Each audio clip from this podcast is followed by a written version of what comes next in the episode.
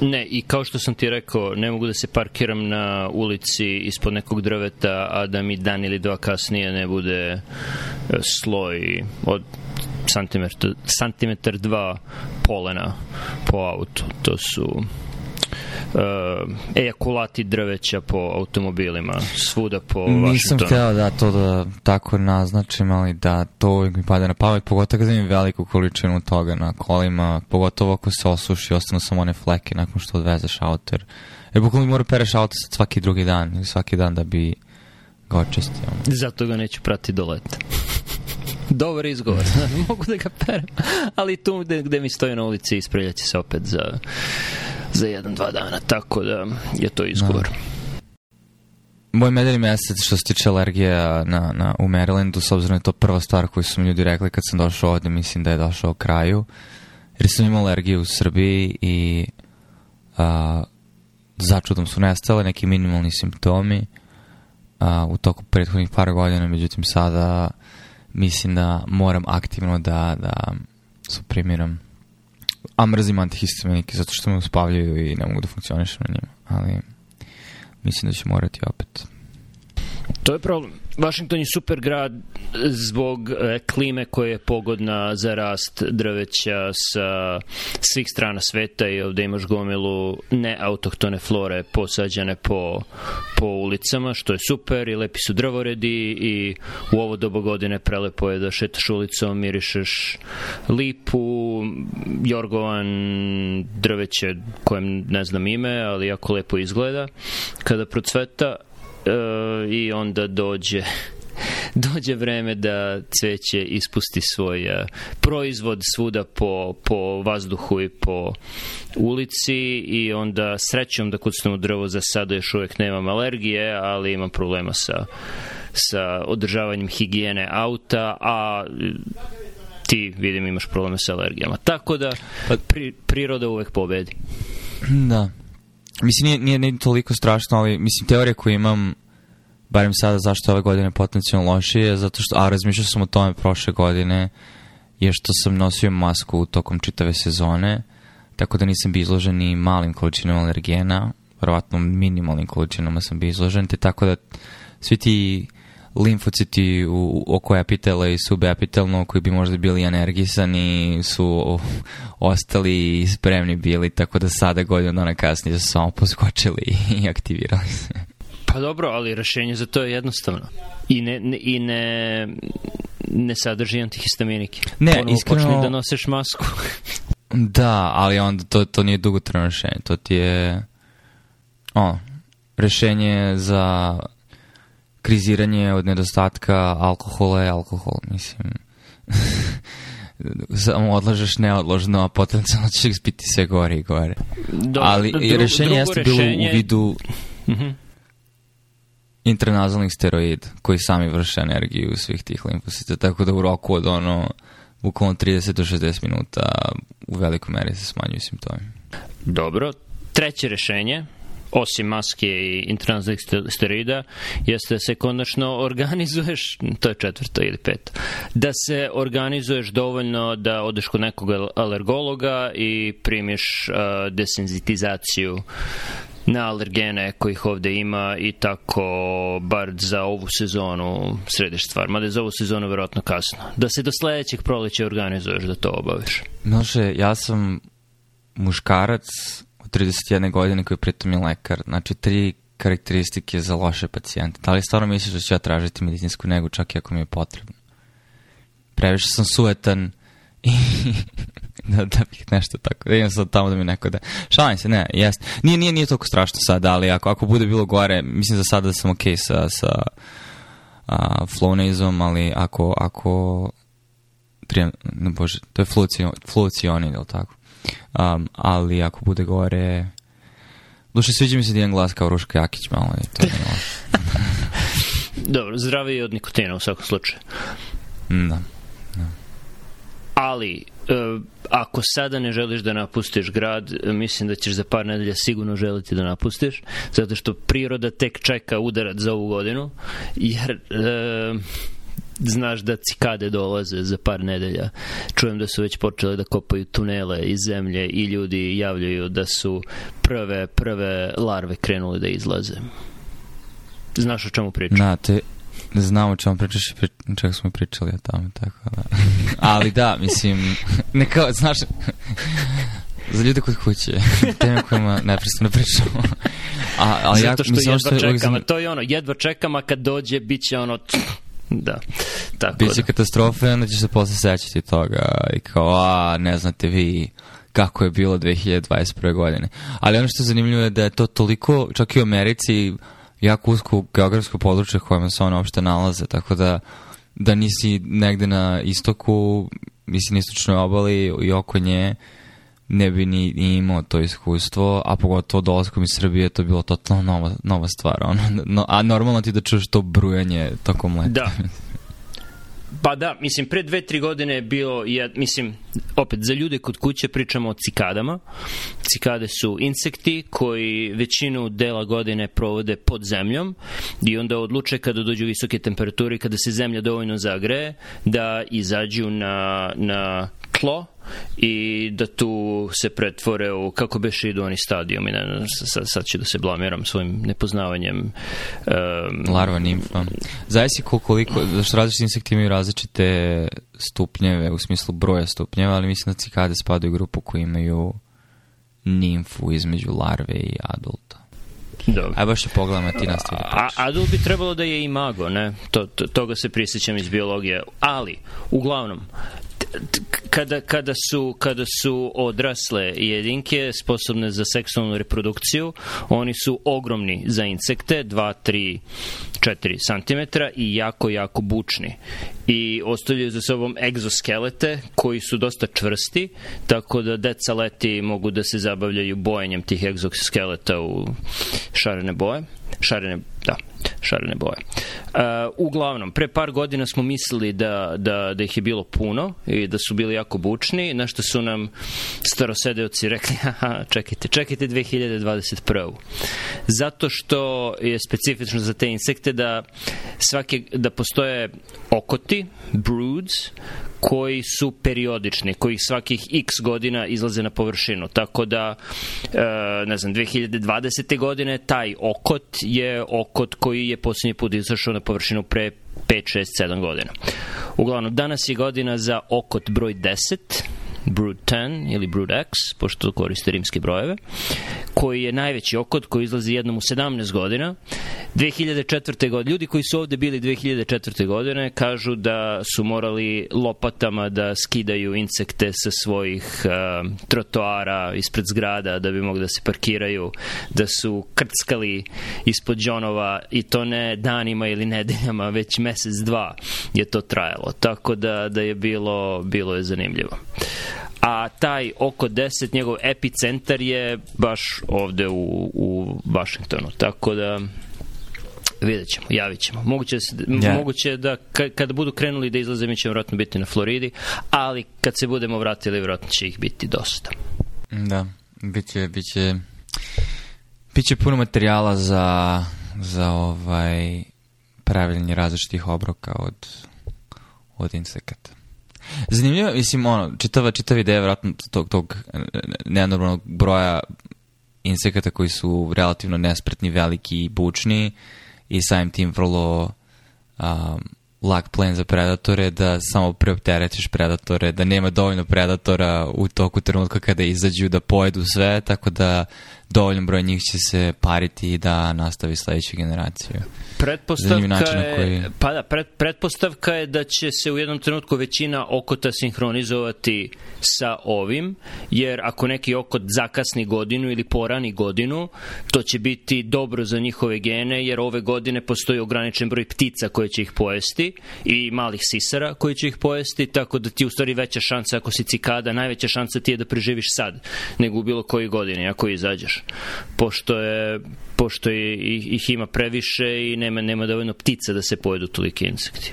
Da. Zanimljivo je kako tako u, u nekim ekstremima, ili kako ih mi barem tako viđa, viđamo kao redkost, ali način na koji određene vrste, specifično životinja, su došle do nekog stadijuma interakcije sa prirodom. Ne znam kako to da kažem, u smislu različiti, različiti organizmi imaju različite strategije za propagaciju svojih gena kroz vreme i zanimljivo vidjeti da očigledno se isplati ovima. Mislim, da, da, ono, 12 do 17 godina ne radiš ništa pod zemlju dok ne izađeš kao, kao insekt i, i ono, u roku od par mjeseci završiš svoj kratki život kao adult i dok se ne, nas, ne, ne krene novi ciklus. Ali da, razmišljao sam, nije, nije loša strategija preživljavanja, osim u slučaju da između dva izlaska oko ta 10 ne dođe do neke nuklearne katastrofe koja će da počisti život nad zemljom i ostanu par preživelih ljudi, životinja. A dobro, i tada nije loše za taj okot. I onda izađe okot koji će A biti... A onda je loše za sve. Ali da ne Mislim da to... da ne bi veći problem. Jer će okot biti jedina hrana svim tim ljudima koji, koji, koji čekaju da, da izađe bogati iz izvor zdravog neozračenog proteina. Ok, i ali imaš nešto da kažeš na temu izlaska cikade? Ja verujem da ćemo pričati o tome kada se bude dešavalo mnogo više, zato što će se vjerojatno čuti u pozadini buka. Pa verovatno nećemo moći da snimamo, jer sam ja odmah sada sedim pored prozora sa odličnim pogledom na gomilu drveća. Cikade vole da bivstvuju na tom drveću. Kada je bio taj mini okot pre dve godine, bilo je dosta njih zakačeno za, za ovu mrežu na prozorima, tako da, da je to bilo jako bučno. Uh, naš zajednički prijatelj danas mi je rekao da pre 17 godina 2004. on je bio u kancelariji koja je bila dobrih kilometar dva udaljena od najbližeg parka sa drvećem. E, buka je bila toliko u kancelariji da nisu mogli da imaju telefonske pozive, a da se ljudi sa druge strane žice ne žale na to, kao šta, te, šta te, imate neke radove. Tako da, da je, ono, Mis, mislim, mislim da hmm. ćemo imati neku pauzu u snimanju ili da snimamo kod tebe po, pošto mislim da ti nemaš nemaš toliko koncentraciju drveća Nemam, da. Moj prozor gleda na druge zgrade, tako da... da, to je, to je obično problem, ali mislim da će to ove godine biti prednost. Prednost mog prozora je što imaš sada bogatu e, faunu vašingtonsku, naročito ptice. Mislim da sam ove godine, zahvaljujući svom potomku koji je zainteresovan i ili zainteresovana e, za, za ptice, zainteresovan. Uh, wow. da. Ne, postoje, tanka je granica između, između mm, sakrivanja identiteta i pretjerana Mislim, nikada da postoje slike online, mislim. da, je, mislim. Mislim da njene nisam, ne, u redu. Uh, pa to me ti kažem, znači, mislim daleko si od, od, od roditelja koji ono, širi identitet svog deteta. Po... Pa, Uglavnom, uglavnom, interesuje se za ptice tako da imamo dva dvogleda. Zašto dva? Zato što kad imamo samo jedan, dok, dok ona meni da ili ja njoj dam ptica pobegne.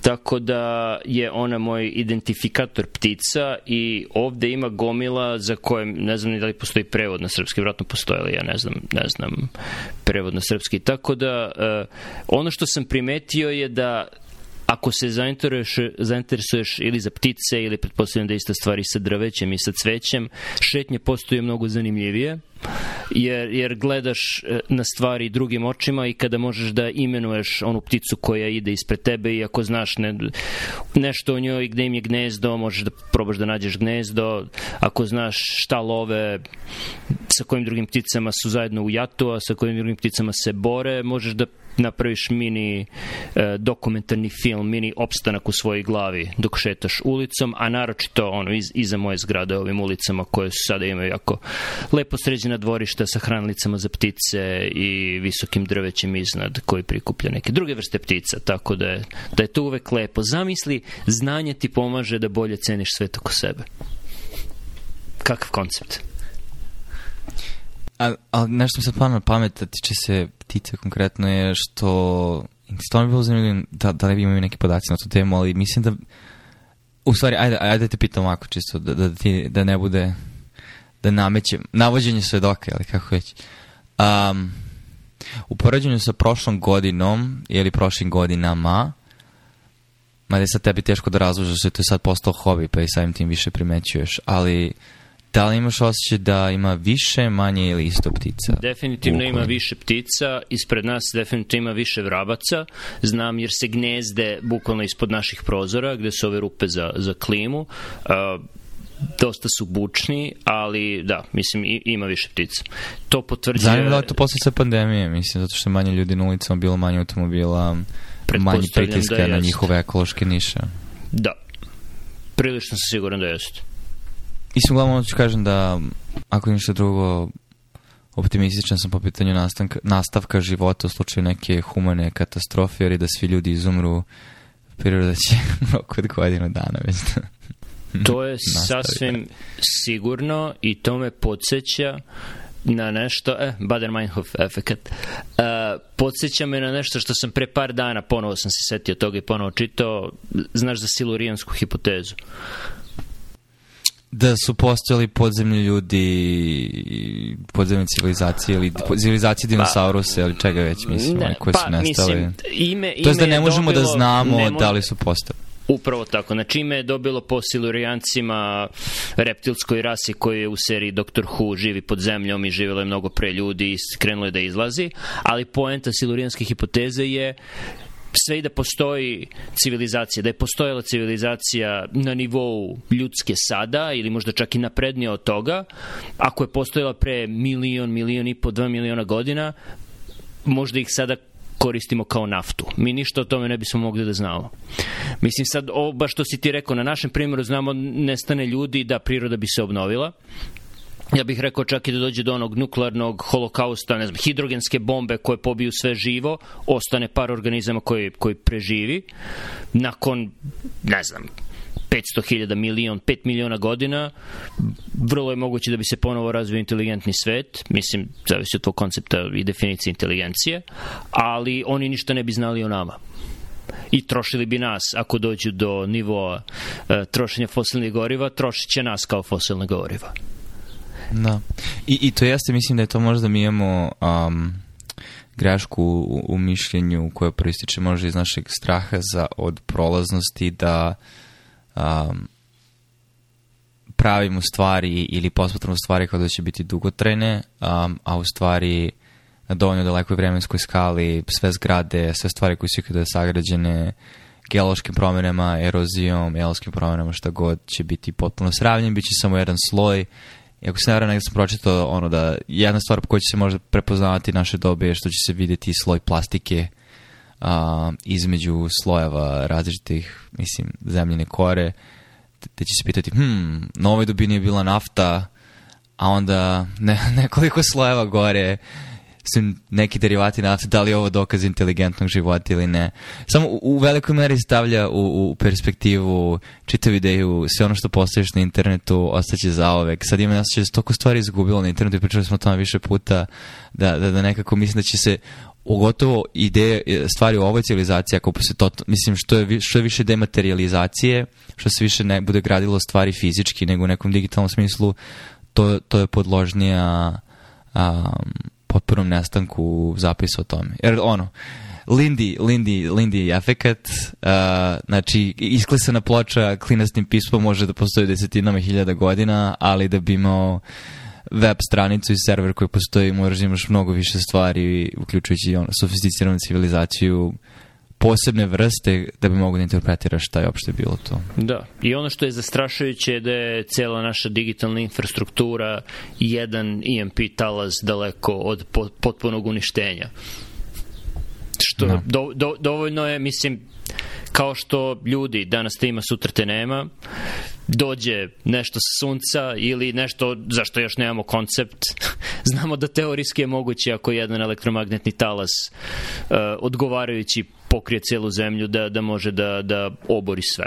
Tako da, da je to...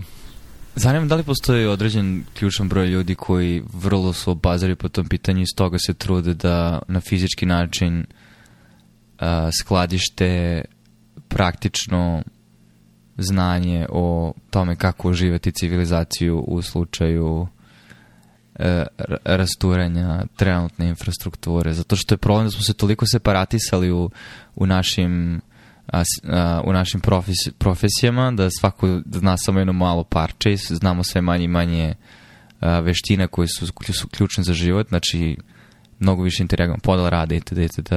A sa druge strane, um, više smo um, okrenuti jednim drugim u digitalnom smislu. Tako da, da, da li bismo mogli mi da iskrenimo civilizaciju pričajući sa ljudima uživo, služeći se alatima koje smo napravili svojim rukama, bez struje. Um, I da li ljudi koji to, koji to znaju i umeju su toliko malo brojni da neće biti dovoljni da u nekom takvom, ne, takvom scenariju obnove sve. Do, do prošle godine bih ti rekao da sigurno u većim ozbiljnim državama postoje organizacije koje brinu o tome i koje rade to, ali mi nakon onoga što smo prošli prošle godine sa velikim institucijama uh, mislim ta, ta prošle godine mi ne uliva neko poverenje da, da bilo ko misli o tome i na tu pozitivnu temu završavamo epizod